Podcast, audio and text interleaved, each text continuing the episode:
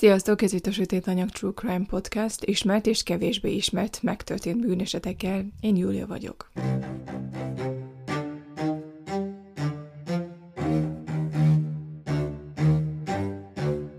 Helyes vagy hoax? A csillogó kék por. 1987. szeptember 13. Guyana, Brazília.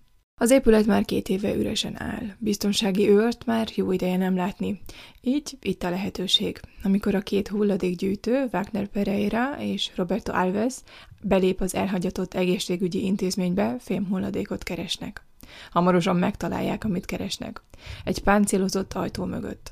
Az egyik helyiségben egy érdekes berendezésre bukkantak. Egy sugárterápiás készülékre, Tezepan F3000-es modellre, amelyet költözéskor hagytak hátra. De nem, nem feledkeztek meg róla. Ám az épület új tulajdonosaival folytatott jogvita megakadályozta a berendezések elszállítását. A két hulladékgyűjtő jó kis pénzt szimatolt, és talicskával szállította ki a berendezés részeit. Ezután elkezdték darabokra szedni. A tényleges sugárforrás tartalmazó kapszulával azonban eljutottak a lehetőségeik határáig. A henger belsejében a 137-es cézium izotóp volt, ólomból és acélből készült kettős védőburkolatba zárva. Napokig dolgoztak a konténeren, de végül csak megrongálták. Nem tudták szétszedni, ahogy tervezték. Aztán egy csavarhúzóval végül sikerült egy kis lyukat fúrni bele. Időközben mindkettőjükön az akut sugárfertőzés okozta első jelek kezdtek mutatkozni. Ezután a sugárterápiás gép egyes részeit egy Alves Ferreira nevű roncskereskedőhöz vitték, aki megvásárolta az állítólag ártalmatlan fémhulladékot. Az ócskavas kereskedő végül feltörte a kapszulát. A kapszula 93 g cézium kloridot tartalmazott egy halvány kéken világító port. És ez a ragyogás annyira lenyűgözte Ferreirát, hogy hazavitte a port, és a következő napokban és hetekben megosztotta a barátaival és családjával – sőt a por egy része még a csatorna rendszerbe is belekerült. Szerinted igaz ez a történet, vagy csak megszaladt velem a fantáziám? Minden generáció megteremti a maga szörnyeit. A népmesék gonosz boszorkányokról és ártó varázslókról szólnak. Szüleink nemzedéke az óriás cápáktól félt a tengerekben. A mai generáció szörnyei azonban az interneten születnek és vadásznak. Slenderman tisztán az elektronikus média terméke. Olyan helyeken manifestálódik, ahová manapság ritkán látogatunk el. Elhagyatott, omladozó épületekben, sötét, mély erdőkben, osdi játszótereken, ahol régi, rozsdás hinták állnak. Slenderman négy méter magas, feltűnően vékony és hátborzongató, arc nélküli humanoid alak. Áttetsző, fehér arcbőre mindenféle arcvonások nélkül félelmet kelt. Emellett irreálisan hosszú csontos ujjai és karjai halálos csendben, de villám gyorsan mozognak. Slenderman olyan magas és vékony, hogy az erdőben, a fák között állva elvegyülhet és alig észrevehetővé válik. Azok az emberek, akik azt állítják, hogy látták őt, úgy írják le, hogy csápok állnak ki a hátából, amiket fegyverként használ. A mítosz szerint Slenderman hihetetlen gyorsan mozog, hirtelen bukkan fel az erdőben játszó gyerekek mögött, vagy fotókon, ahol az erdő látható a háttérben. Általában fekete öltönyt, fehér inget és fekete, ritkán piros nyakkendőt, fekete kesztyűt és lábbelit visel. Az internetes mítosz szerint csendben cselekszik, képes egyszerűen csak manifestálódni. Becserkészi az áldozatait, kikészíti őket, néha megbetegíti egyes áldozatait, ez a slender sickness – Slenderman állítólag figyeli, elrabolja és bántalmazza a gyerekeket. A történetekben az erdőben kószál, játszótereken és parkokban leselkedik, főképp gyerekekre, tínédzserekre, akik örökre nyomtalanul eltűnnek, vagy akiket, akiknek szörnyűségesen megcsonkított holtesteire később bukkannak rá, kitépett karokkal és leszakított lábakkal. A mítosz egyes változataiban az áldozatokat fákra felnyásalva és kibelezve találják meg. A legtöbb városi legendával ellentétben Slenderman származását teljes bizonyossággal nyomon tudjuk követni. 2009. június 8-án született. A Something Awful nevű internetes fórum versenyt indított, ötleteket kért egy új városi legendára, amely sokkolná és elborzasztaná közönséget. A verseny célja paranormális alakok vagy események képbefoglalása volt. Eric Knudsen, aki a Victor Surge álnevet használta, két fényképet tett közzé, amelyek úgy tűntek, mintha 80-as évek közepén készültek volna. Egy csapat játszó gyereket ábrázoltak, mögöttük pedig egy magas, bajós alak leselkedik az erdőben. Knudsen Slendermannek nevezte a lényt. Slenderman első képét egy szöveg kísérte, amely úgy hangzott, mint egy rossz horror story. Idézem. Ez a két megmaradt fénykép egyike, amely a Sterling városi könyvtár felgyújtása előtt készült. A fotó aznap készült, amikor a 14 gyerek a fotóssal együtt eltűnt. Knudsen, alias Victor Surge azt állítja, hogy elsősorban H.P. Lovecraft, Stephen King novellái és néhány játék, köztük a Silent Hill hatott rá. Ezeket használta fel, hogy kitaláljon valakit, akinek a motivációi alig érthetőek, és aki általános nyugtalanságot, terrort és rettegést kelt a lakosság körében. A képeket egyébként posztoltam az Instagram oldalamon, ha érdekel, keres rá. Knudsen nagyon meglepődött, hogy a kreatúra ekkora siker lett, és hogy nem tűnt el az internet forgatagában. Sőt, épp ellenkezőleg, Slenderman életre kelt. Fukisa, Milwaukee, 2014. május 31. szombat. Greg Steinberg azon a barátságtalan szombat reggelen a Davids Parkban biciklizett, majd a park mögötti erdő felé vette az útját, amikor hirtelen meglátott egy vérrel borított, földön fekvő kis alakot, aki segítségért rimánkodott. Kérem, uram, segítsen, többször is megszúrtak.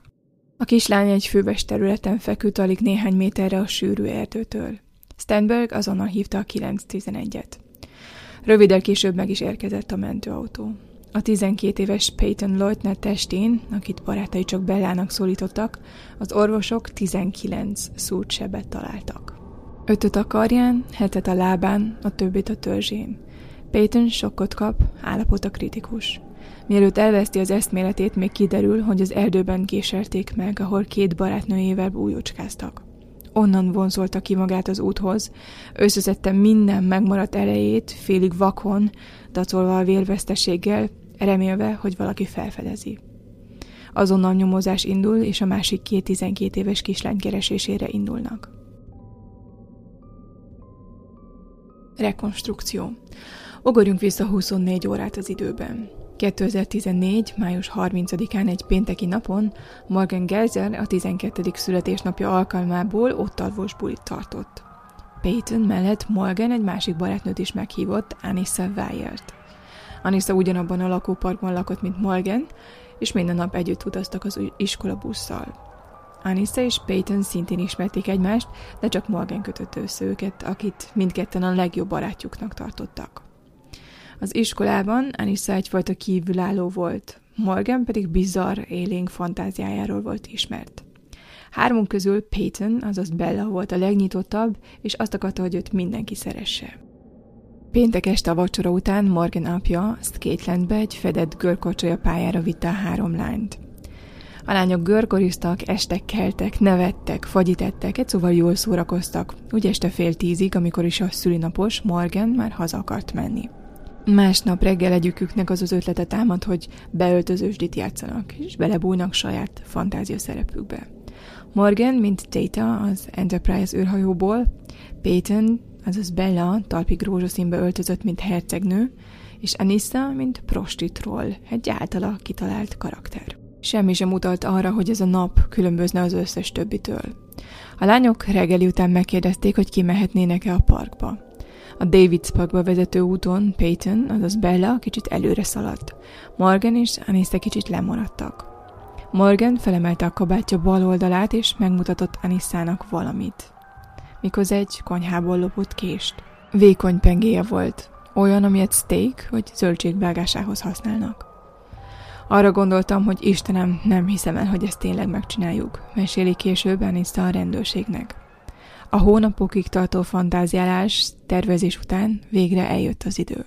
A Davids Park egy körülbelül háztöbbnyi méretű zöld terület. Az északkeleti végén nyilvános élemhelyek találhatók. A komor, koszos és félreeső női mosdó volt az a hely, ahol Anissa és Morgan először támadta meg peyton -t.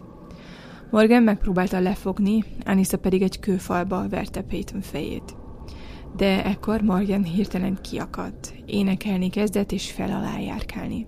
Anissa átvette a nagy nővér szerepét. Kiküldte peyton és nyugtatgatni kezdte Morgant. Aztán Anissa azt javasolta, hogy bújócskázzanak a park túlsó végén levő erdőben. Amint Morgan ismét megnyugodott, mindannyian együtt elindultak oda. Nehéz megérteni, hogy Peyton miért döntött úgy, hogy velük megy, miután a WC-ben bántalmazták. Lehetséges, hogy azt hitte, hogy a verés csak egy jelenet volt egy újabb szerepjátékban. Együtt sétáltak a Big Bend Roadra. Az aszfalt út egy kavicsos ösvénybe torkolik, és zsákutcaként végződik az erdőben, ami sötét, sűrűn benőtt és alnövényzetekkel teli. Ideérve Morgan becsukta a szemét, és hangosan számolni kezdett. Anissa és Peyton pedig együtt kerestek egy helyet, ahol elbújhattak. Ott Anissa megpróbálta Bellát a földhöz szorítani, de nem sikerült neki. Morgan odaérkezve elővette a kését, macskának tetette magát, és lábújhegyen odalépett Peytonhez. Ekkor Anissához fordult. Nem teszem, amíg nem mondod, mondta Morgan. Ekkor Anissa kiadta a parancsot. Now, Kitty, do it now, go ballistic, go crazy. Most, Kitty, csináld már, őrülj meg. Erre Morgannek ugrott Peytonnek, megtámadt őt, miközben azt énekelgette, ne félj, én csak egy kis cica vagyok. Első hallásra arra lehet következtetni, hogy Anissa volt az, aki a támadást irányította. De ez a pillanat Morgan játékos gondolkodás módjának részeként is látható, aki egy dalt énekel, és úgy viselkedik, mint egy macska, és egyáltalán nem akar, vagy nem képes empátiát érezni a gondolat miatt, hogy éppen meg fog ölni valakit. Morgan 19-szer szórja meg Bellát, a karján, a lábán, a hasán. Eltalálja a gyomrot, a májat, a hasnyálmirigyet, és épp hogy elkerülte a szív melletti fő artériát. Bella sikoltozik, megpróbál felállni és elfutni. De megtántorodik, és Enisza elkapja, megragadja Bella karját, és egyre mélyebbre és mélyebbre vezeti az erdőbe. Megparancsolja neki, hogy feküdjön le. Nem látok, nem kapok levegőt. Gyűlöllek, bíztam benned, mondja Morgannek. Belesebesülten fekszik, miközben a támadói fölötte állnak. A kedvesség bizarr megnyilvánulásaként Anissa apró leveleket és földdarabkákat helyez a sebekre, amelyek most Bella testét borítják. Meggyőződve arról, hogy meg fog halni, ott hagyják őt az erdőben. Kéz a kézben gyalogolnak ki az erdőből és indulnak útnak, mert úti céljuk még messzire van, 200 mérföldre.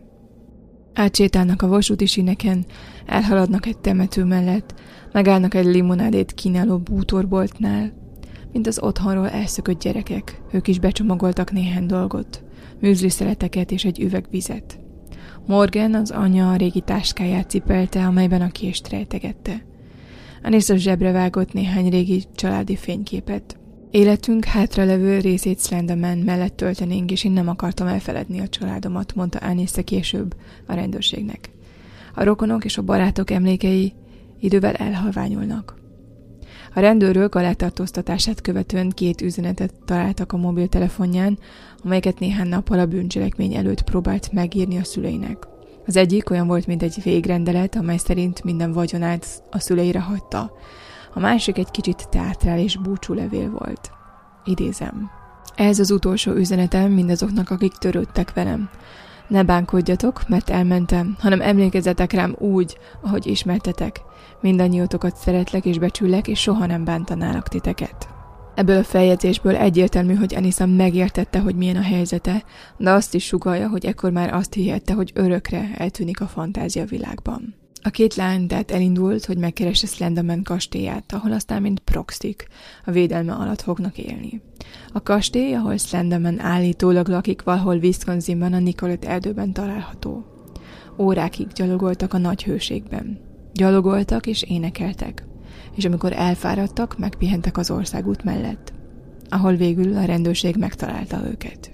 Kihallgatás és nyomozás. A rendőrségen a lányokat külön szobába vitték kihallgatásra. Az egyforma, csupasz fehér szobákban csak egy asztal és két szék van. A falon magasan egy kamera van felszerelve. Megnéztem a kihallgatásról készült videókat, amelyek több órásak voltak, és igencsak furcsának tartottam a lányok viselkedését. Az első felvételeken az látható, amint engedelmesen kinyújtják a kezüket egy kopasz, viccelődő törvényszéki orvos szakértőnek, aki szöveteket kapar ki a körmük alól. Ezután a lányokat arra kérik, hogy öltözzenek át, hogy a ruháikat a laborba küldhessék. Amikor újra a kamera elé kerülnek, már börtönruházatot viselnek. És ahogy mondtam, a két lány viselkedése a felvételeken igencsak különböző. A több órás kihallgatást megpróbálom a legjobb tudásom szerint összefoglalni. Anissa kihallgatását Michelle Trussoni nyomozónő vezeti, gyengéden és anyáskodva. És mindjárt itt a kihallgatás elején, igazából még a kihallgatás kezdete előtt, Anissa megkérdezi a nyomozónőt, hogy meg tudnám mondani, hogy körülbelül hány kilométert tettek meg. Mert hogy ő nem igazán sportos, és ezért érdekelni, hogy hány kilométert tettek meg az alatt az öt óra alatt ami igencsak furcsa kérdés, miután a rendőrségen vagy, miután megtámadtál valakit. De nem ez az egyetlen furcsaság ebben az ügyben. Anissa egyébként úgy tűnik meg van rémülve, de tudatában van a helyzete súlyosságának. Ami viszont megdöbbentő az az, hogy nem Peyton miatt van megrémülve. Nem amiatt, mert barátnőjével éppen megpróbálták megölni az egyik barátjukat. Anissa azért fél, mert tudja, hogy konzekvenciák várnak rá. Amit nem tudtam elnyomni magamban, az az az érzés volt, hogy Anissa a kihallgatása során olyan volt, mintha az iskolában felmondana valamit, mintha nagyon jól akarna teljesíteni. Mintha akarná, hogy Trussoni tudja, hogy a legjobbat akarja kihozni magából. Közben remeg, zsebkendőre van szüksége. Többé-kevésbé folyamatosan sír. A válaszai viszont szűretlennek tűnnek. Érezni lehet egyfajta megkönnyebbülést is. És mindenképpen tisztázni akarja, hogy Morgan volt az, aki leszúrta Bellát ő túlságosan is, ahogy maga fogalmaz, finnyás. És rengeteget mesél Slendermanről is. Idézem. Korábban hittem Slendermanben, de most már tudom, hogy mi csak tínédzserek vagyunk, akik szeretnek ijeszgetni másokat és gondolkodóba ejteni őket. Anisszából csak úgy ömlik az információ. Elmagyarázza a rendőröknek, hogy Peyton megölésével ő és Morgan Slenderman proxiai lettek, azaz alárendeltjei.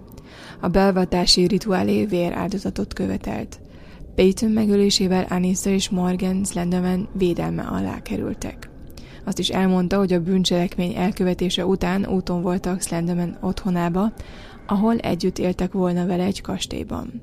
Miután bizonyítottak Slenderman előtt, megszűntek volna embernek lenni, szörnyetegé mutálódtak volna, akik azért léteznek, hogy Slenderman akaratát szolgálják. Idézek a vallomásból. Izgatott voltam, mert bizonyítékot akartam arra, hogy létezik Slenderman, mert a csomó szkeptikus azt állította, hogy nem létezik. Morgan és én olyanok voltunk, mint a nőstény oroszlánok, akik levadásszák a zebrát. Én akartam nekiugrani, aztán Morgan szúrta volna le. Anisza azt is elmondta a nyomozóknak, hogy Morgan volt az, aki meggyőzte őt arról, hogy ölniük kell, különben Slenderman három másodperc alatt megöli az egész családját. Anis elmesélte, hogy Slenderman először a Minecraft videójátékban látta. Ott az egyik mellékszereplő szerepében tűnt fel. Egy barátja aztán mesélt neki a Creepypasta nevű weboldalról, ahol a felhasználók saját horror történeteiket tehetik közzé.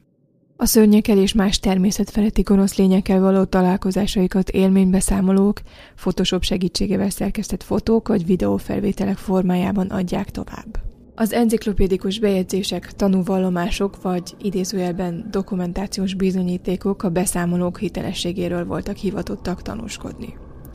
Ezen az oldalon Zálgó egy természetfeletti lény, és Jeff a gyilkos mellett, aki egy ghoul, és akinek a karaktere állítólag egy valódi gyerekgyilkoson alapul, mindenek előtt Slenderman volt az, aki felkeltette Anissa érdeklődését. Jeff, a gyilkos annyira valóságosnak tűnt, a creepypasta állítólagos sajtójelentései pedig megerősíteni látszottak a létezését. És ez arra késztette Anissát, hogy elhiggye, Slenderman is létezhet. És most kukadjunk be a másik kihallgató szobába, Morganhez. Morgan viselkedése bizarr, olyan, mintha egy másik bolygóról jött volna. A videófelvétel elején egy széken ül, kezét a háta mögé bilincselték. Arcát a kamera felé nyújtja, mint egy sápat kíváncsi teknős béka. Amint leveszik a bilincset, megkezdődik a kihallgatás. Morgan ekkor már a túl méretezett börtönruházatba rejti a csupasz karját, sőt még a fejére is húzza. Hirtelen, többször is, a kihallgató tiszthez szól, és kifejezéstelen hangon ezt mondja, kérem uram, ne vágja le a fejem.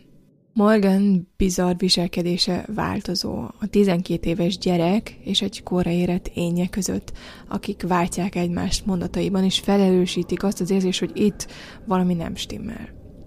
Morgan Anissát hibáztatja a bűncselekményét, és kizárólag ő teszi felelőssé. Anissa mondta neki, hogy szúrja le Bellát. Morgan úgy fogalmaz, Anissa kényszerített rá, és Anissa miatt tűnt szükségesnek. A beszélgetésük során Morgan kitart Slenderman létezése mellett. Ugyanakkor meglehetősen ellenségesnek, de nyugodtnak tűnik. Azonban egyre ingerültebben válaszol a rendőrnek, aki óvatosan, de határozottan is többször kéri, hogy írja le azt a pillanatot, amikor leszúrta Bellát. Step, step, step, szúr, szúr, szúr, mondja, miközben a kezeivel szúró mozdulatokat tesz. Olyan volt, mint a levegő. Nem éreztem semmit, mondja csupán. Aztán megkérdezi Casey nyomozót. Idézem.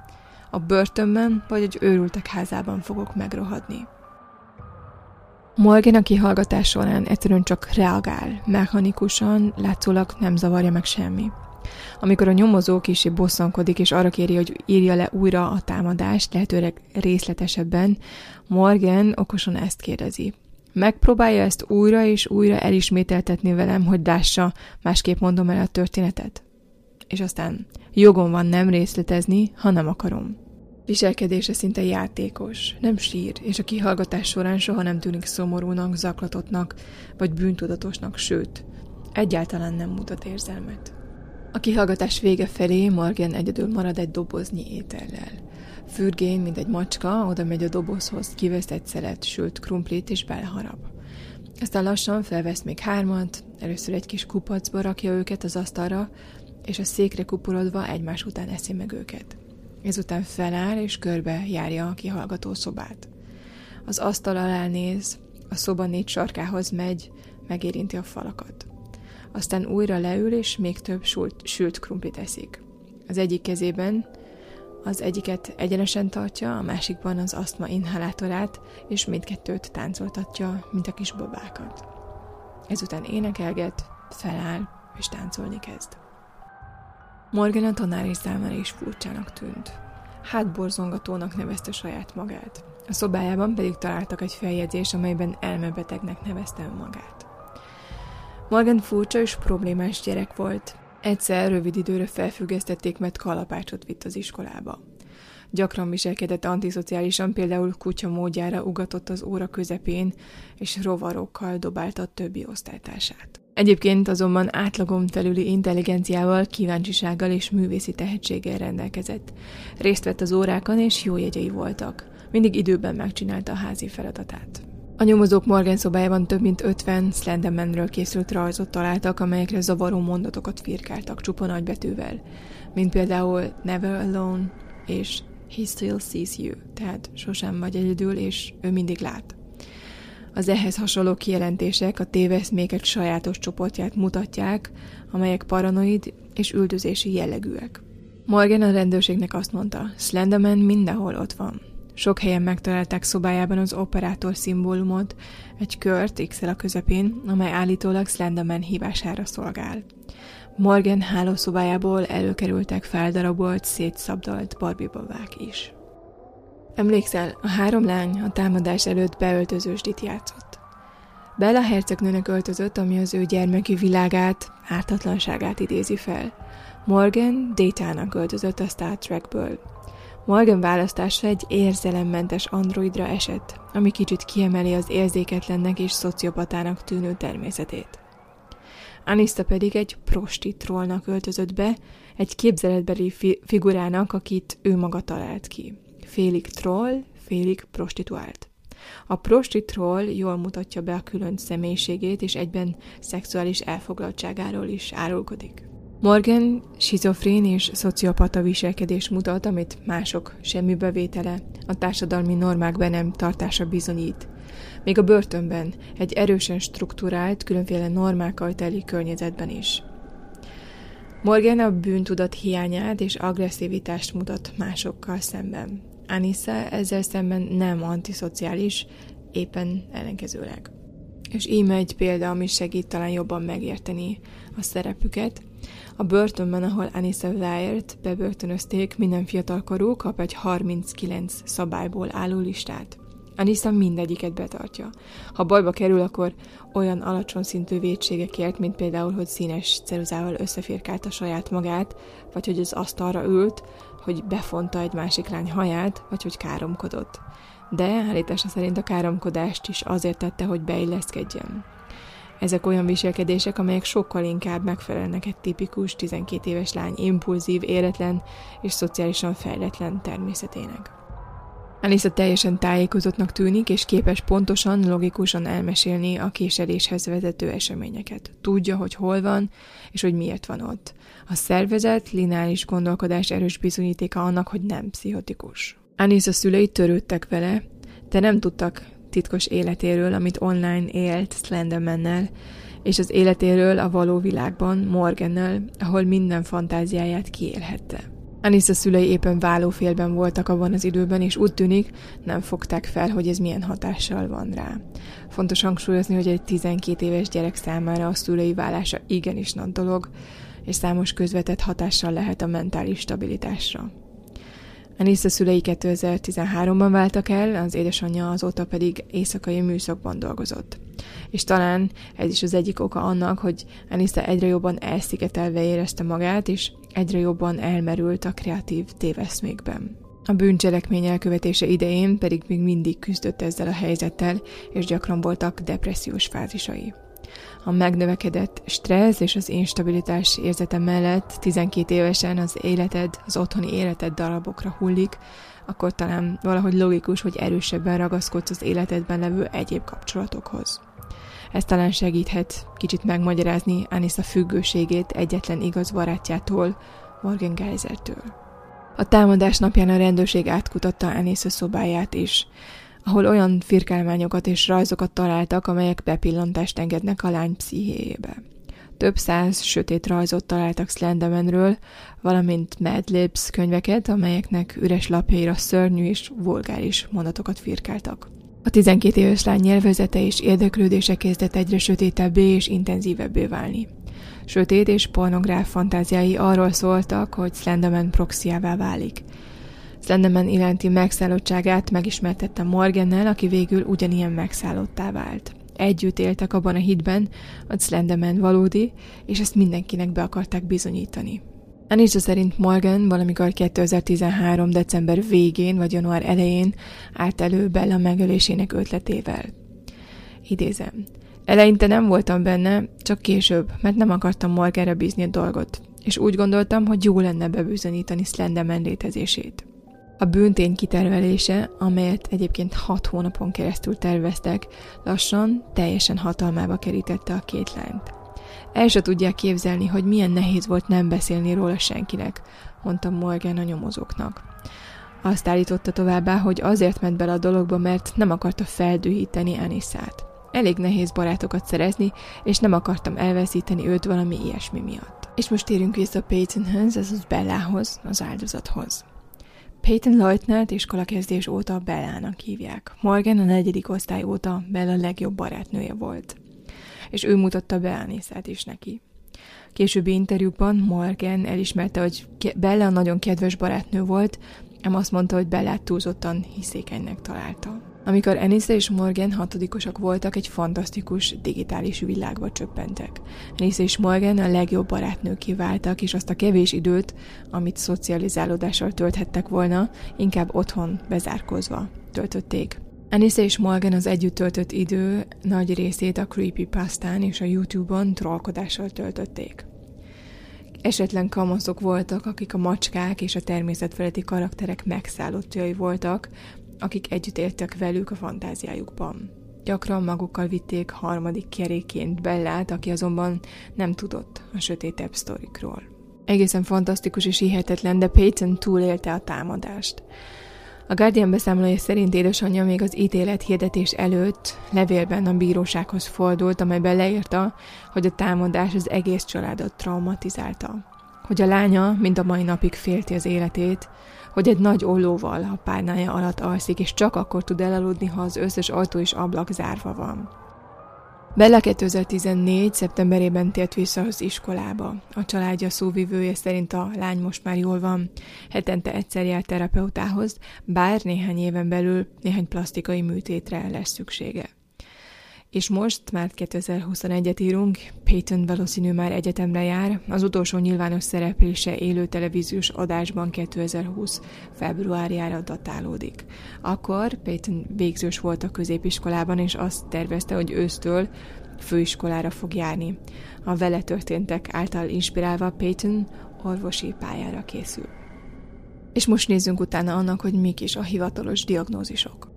Éppen a tínédzsereknek a szerepjátékok hasznosak lehetnek, hanem is mindig egészségesek a problémákkal való megküzdésben. Egy fantázia világban élni olyan, mintha visszamennénk a gyerekkorba. Ösztönözheti a kreativitást, vagy segíthet a stresszkezelésben, valamint a felelősségtudat megnyugtató érzését keltheti. Ami különösen vonzó a serdülők számára, akik most kezdenek rájönni, hogy valójában milyen kevés önrendelkezési joguk van. Anissa és Morgan azonban arról álmodott, hogy Slenderman szolgái lesznek. Nem vágytak függetlenségre, hanem alá akarták vetni magukat a természet feletti hatalomnak. A pszichológusok egyetértenek abban, hogy a legtöbb gyerek 8 éves korára, de 12 éves korára mindenképpen képes különbséget tenni a valóság és a fantázia között. Dr. Michael Cadwell pszichológus szerint Anissa Vaya skizotipikus zavarban szenvedett, amit úgy definiált, mint, idézem, csökkent képesség arra, hogy meghatározza, mi a valóság, és mi nem a valóság. Ez egy olyan személyiségszavar, amely miatt könnyen belesodródik az ember a téveszmés fantázia világba. A skizotipikus személyiségzavar a definíció szerint nem betegség. Ha az utcán találkozol egy ilyen diagnózissal rendelkező emberrel, egyszerűen furcsának vagy különcnek tűnik.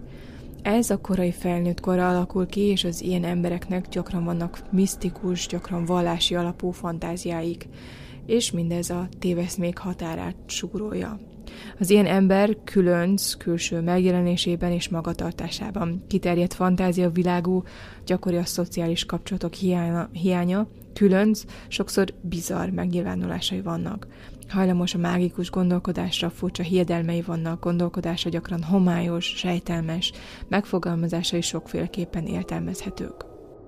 Anissa személyiség típusa fogékony a misztikus és fantasztikus dolgokra. Azonban hívó lenne, ha nem vennénk figyelembe a kontextust, amelyben ez történt.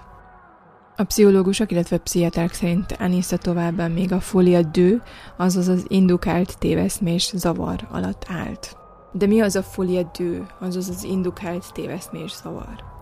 Itt két ember osztozik ugyanabban a téveszmében, vagy téveszmés rendszerben, és egymást támogatják is ebben a hitben. Szokatlanul szoros kapcsolatban állnak egymással. A téveszmét az aktív partnerrel való érintkezés idézi elő a passzív tagban. Ebben az esetben a pszichotikus anyagot Morgan, az alfa, a tényleges pszichózisban szenvedő személy generálta. A béta, azaz Anissa tünetei csökkentek, amikor elvált az alfától, mert valójában ő nem pszichotikus, csupán az alfa bűvületében volt. Ebben az esetben is kialakult egyfajta hierarchia csoporton belül. Anissa és Morgan között felfedezhető kapcsolatuk alfa-béta jellege. Van egy alfa és van egy béta. Az egyik az agresszor, a felbújtó, és a másik a követő. Morgan Geyser félelmet, csodálkozást és izgalmat ébreszt Anissában, a bétájában. Annyira, hogy Anissa követi őt és osztozik a téveszméiben. Ha a lányokat párként nézzük, talán segíthet megérteni a közös belső késztetéseiket. Legalábbis egy bizonyos pontig. Hogy hogyan léteztek együtt ebben a saját közös világban, a saját szabályrendszerükkel megfestett valóságban és hogy ezeknek a szabályoknak követése hogyan vezetett a Bella elleni brutális és sokkoló támadáshoz.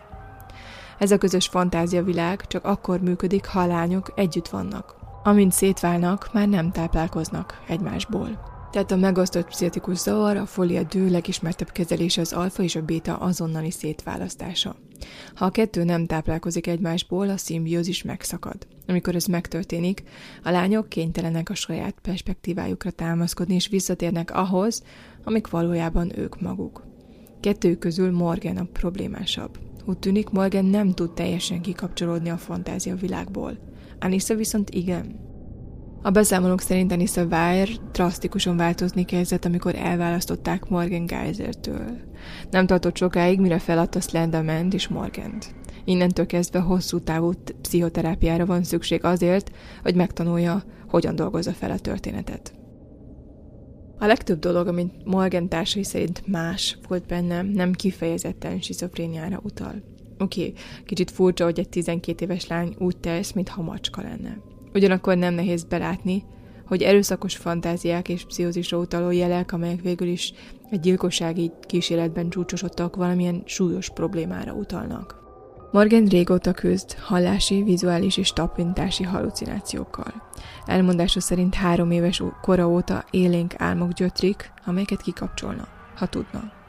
Három éves kora óta színes képeket lát megjelenni a falon, érzi a szellemeket és azok ölelését. Néhányan bántják őt, néhányan nem. A taktilis vagy tapintási halucinációk azt jelentik, hogy olyan fizikai érzés keretkezik, mintha érintkeznél egy dologgal, ami valójában nincs is ott. Olyan bizarr érzés lehet, például, mint hogyha valaki áttörelne, vagy megcsípne, pedig senki nincs a szobában rajtad kívül. Vagy lehet az is, hogy rovarokat érzel, hogy mászkálnak a bőrödön, vagy a bőröd alatt, vagy hogy elmozd, mintha elmozdulnának a szerveid, vagy mintha valaki ki akarna szabadulni belőlük. Morgan megpróbált öngyilkosságot elkövetni a cellájában, megpróbálta felvágni az erejét egy törött ceruzával. Dr. Casimir úgy találta, hogy Morgan veszélyeztet másokat és saját magát is, mert állítása szerint Morgan azt mondta neki, hogy idézem, ha Slenderman azt parancsolja, törjek be valakinek a házába és szúrjam le az ott lakókat, akkor engedelmeskednem kell. A kihallgató tisztek előtt Morgan nem akarta elismerni, hogy Slenderman kitalált figura. Ragaszkodik ahhoz, hogy igenis létezik. Idézem. Furcsa. Nem érzem rosszul magam emiatt. Valahogy még mindig azt gondolom, hogy szükség volt rá, mondta a nyomozóknak. Az őrizetben Morgan állapota azonban romlani látszik, bizarr viselkedése továbbra is tart. Az őrök és a kórházi személyzet tanúsítja, hogy miközben egyedül van a szobájában, Morgan gyakran látják beszélgetni emberekkel, akik nincsenek ott. Klinikailag ez a jelenség az aktív pszichózis egyik árulkodó jele lehet. Morgan a cellájában az ajtónak háttal étkezik, és ha valaki váratlanul belép a szobájába, körbe-körbe forog, aztán lekoporodik, mint egy macska, háttal a falnak, és karmokat formál a kezével. A cellájában levő hangyákat a háziállatainak tekinti, börtönkosztjával eteti őket és beszélget velük. Néha beviszi a rovarokat a közös terembe, és a többi gyerekhez vágja őket. Alig beszél a többi rabbal, Sőt, Morgan és az apja kapcsolata is megszakadt, miután a férfi megpróbált őt meggyőzni arról, hogy Slenderman nem valódi. Amikor Morgannek a börtönben kellett megünnepelni a 13. születésnapját, egy szociális munkás meglátogatta őt. Egy év telt el azóta, hogy Morgan Skatelandben járt, beöltözősdit játszott, majd a vokésői rendőr őrsön találta magát, mert leszúrta a legjobb barátnőjét. Morgan a tálcája előtt ült a vacsorával, szüntelenül kis kenyérgolyókat formázott és belekeverte a levesébe. Amikor a szociális munkás boldog születésnapot kívánt neki, Morgan rideg és elutasító volt. Idézem. Semmi különös, csak egy nappal közelebb a halálhoz. Ami eddigre nyilvánvalóvá vált, az az, hogy Morgan mentális betegsége teljesen más, mint Anisái, és másképp is kell kezelni. Morgan schizofréniával és szociopata személyiség szavarral küzd. A schizofrénia az elmebetegség egyik legsúlyosabb és legnehezebb formája, gyógyíthatatlan és néha lehetetlen kezelni. Morgan schizofréniája és a mások iránti empátia hiányának kombinációja vezetett a Bella Leutner elleni támadáshoz. És sajnálatos, hogy Morgan betegségét nem fedeztek fel hamarabb, mielőtt Bellának baj esett volna. Az viszont jó, hogy Morgan egy törvényszégi kórházban van, ahol leülheti a büntetését, és van esélye valamiféle rehabilitációra is. Esetünkben ő volt az alfa, és általában az alfa az, akinek már meglévő mentális betegsége van.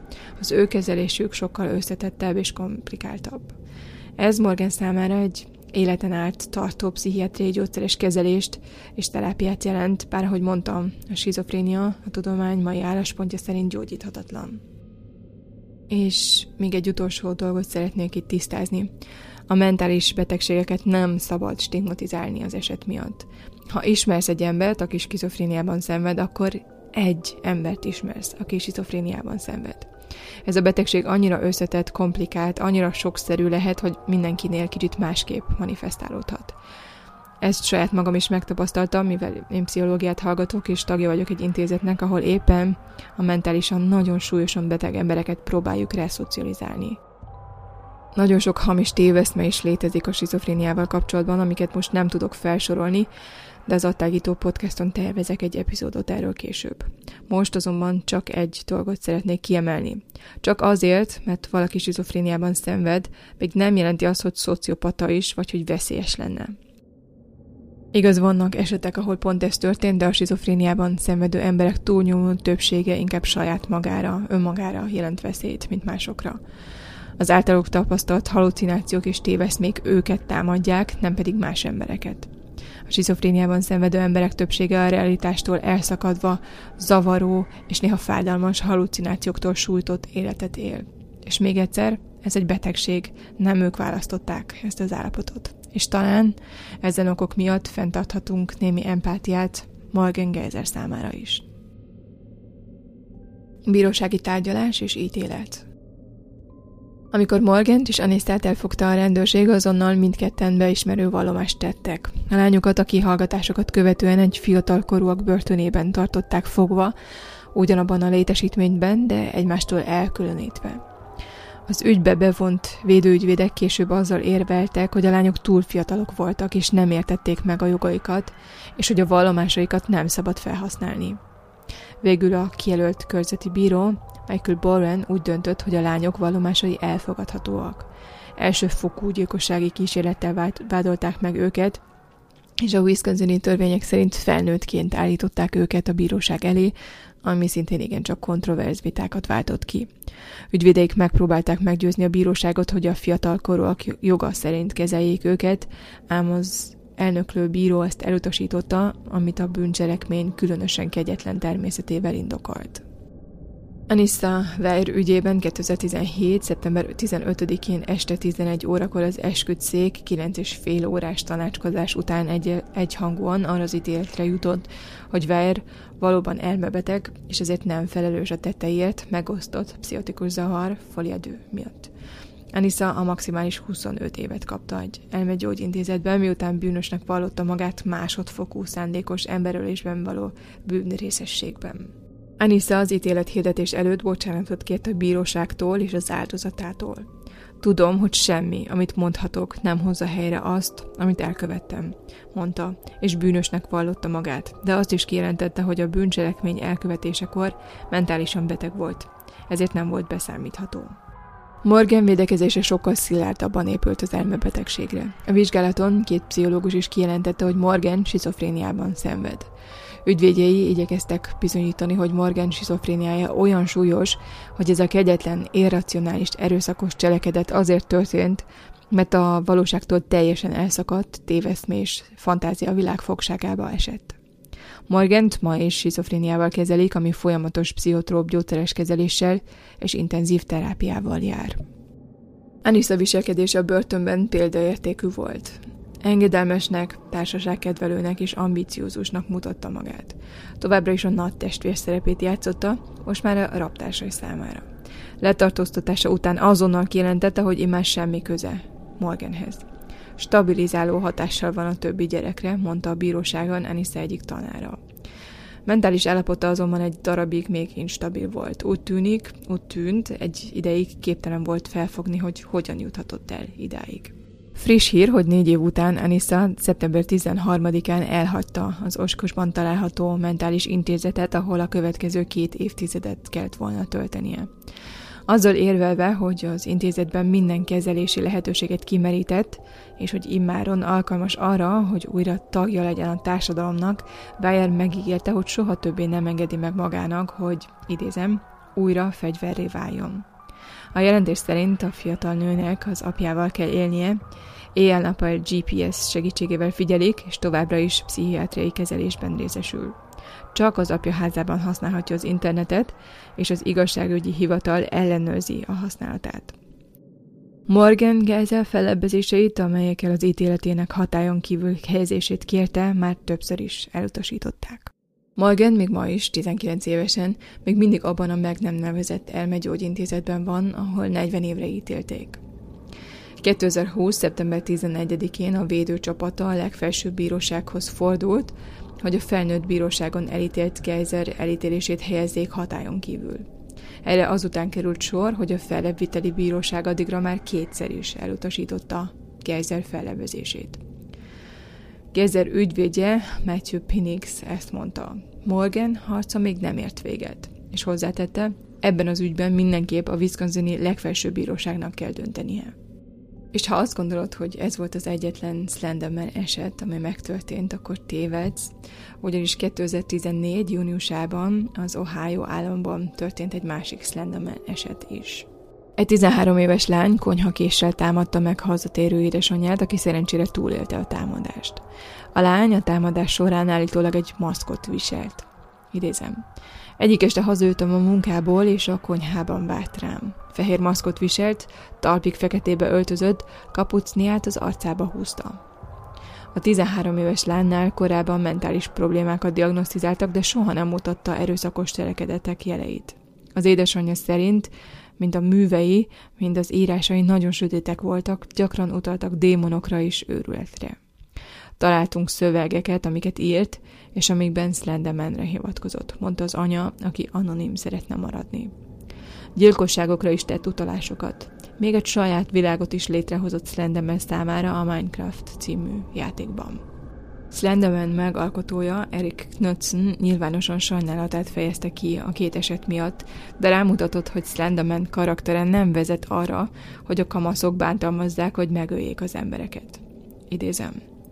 Mélységesen elszomorít a Wisconsini tragédia, és szívem együtt érez azok családjaival, akiket ez a szörnyű tett érintett, mondta Eric Knudsen. Számos creepypasta oldal is közleményt adott ki, köztük a creepypasta.com és a mítosz eredetét bemutató somethingawful.com is. Idézem, kérjük, ne öljetek meg senkit Slenderman miatt.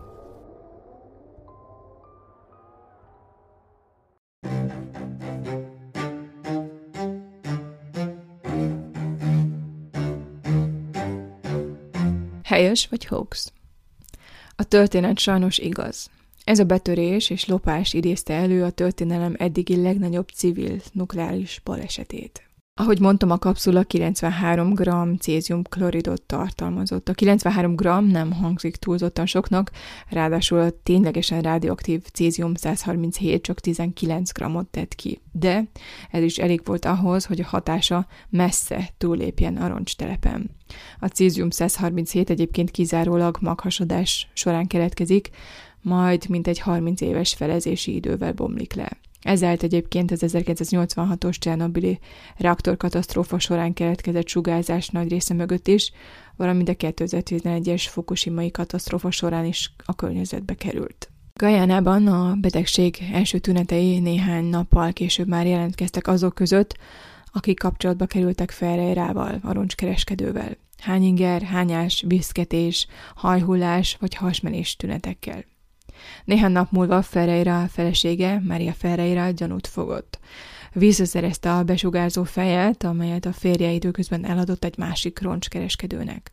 Becsomagolt egy táskába, felszállt egy buszra és elvitte a legközelebbi kórházba. Ott egy orvos rájött arra, hogy Ferreira sugárzás áldozata lehet. A gyanút vizsgálatok is megerősítették.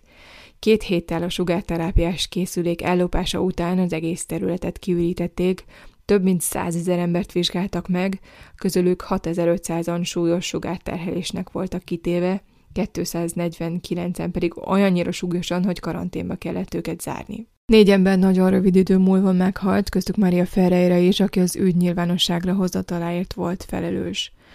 Őt 5,7 Gray sugárzási dózis érte. A Gray az elnyelt sugárdózis egysége és a négy gré vagy annál nagyobb érték már halálosnak minősül. A roncstelep körül 85 ház szennyeződött, hét épületet teljesen lebontottak. Összesen 3500 köbméter radioaktív hulladékot kellett eltávolítani, amelyet most egy külön erre a célra épített parkban helyeztek el. És érdekes, hogy a házak takarítására és a sugárbetegek kezelésére egy szint használtak, mégpedig a poroszkéket, vagy más néven berlini kéket, amelynek egyik kémiai tulajdonsága, hogy megköti a céziumot. Egyébként 1990 óta a WHO alapvető gyógyszerek listáján is szerepel.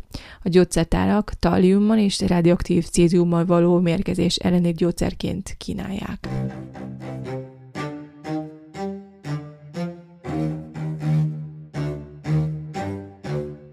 Ez volt a Sötét Anyag negyedik epizódja, remélem tetszett a részt. Az Instagramon megtalálhatod a képeket és egyéb extra információkat erről az ügyről. Ha érdekel, keres rá a Sötét Anyag True Crime podcastra. Ezúton is nagyon köszönöm a sok kommentet és üzenetet, amit az Instagramon küldtetek. Mindig nagyon örülök a visszajelzéseknek. Hamarosan újra jelentkezem, addig is nézz hátad mögé, és zárd az ajtót.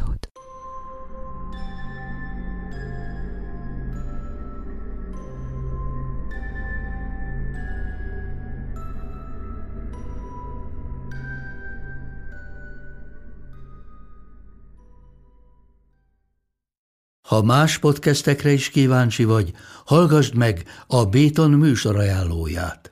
El tudod képzelni, hogy a podcastet, amit éppen most hallgattál, fél év múlva már a mesterséges intelligencia generálja? Mi sem. De ha érdekel, eljött már a gépek lázadása. Hallgass bele az Embertelen podcastbe. Orsós Lajos vagyok, a műsor házigazdája. Egyelőre még élőben. Egyelőre. Fedezzük fel együtt, hogyan ismerkedik, randizik, mesél és vitatkozik Betty és Péter, két teljesen mesterséges intelligencia. Lajos, a podcast címét mond még egyszer, Léci. Oké. Okay. Embertelen podcast. Ez a műsor a Béton közösség tagja.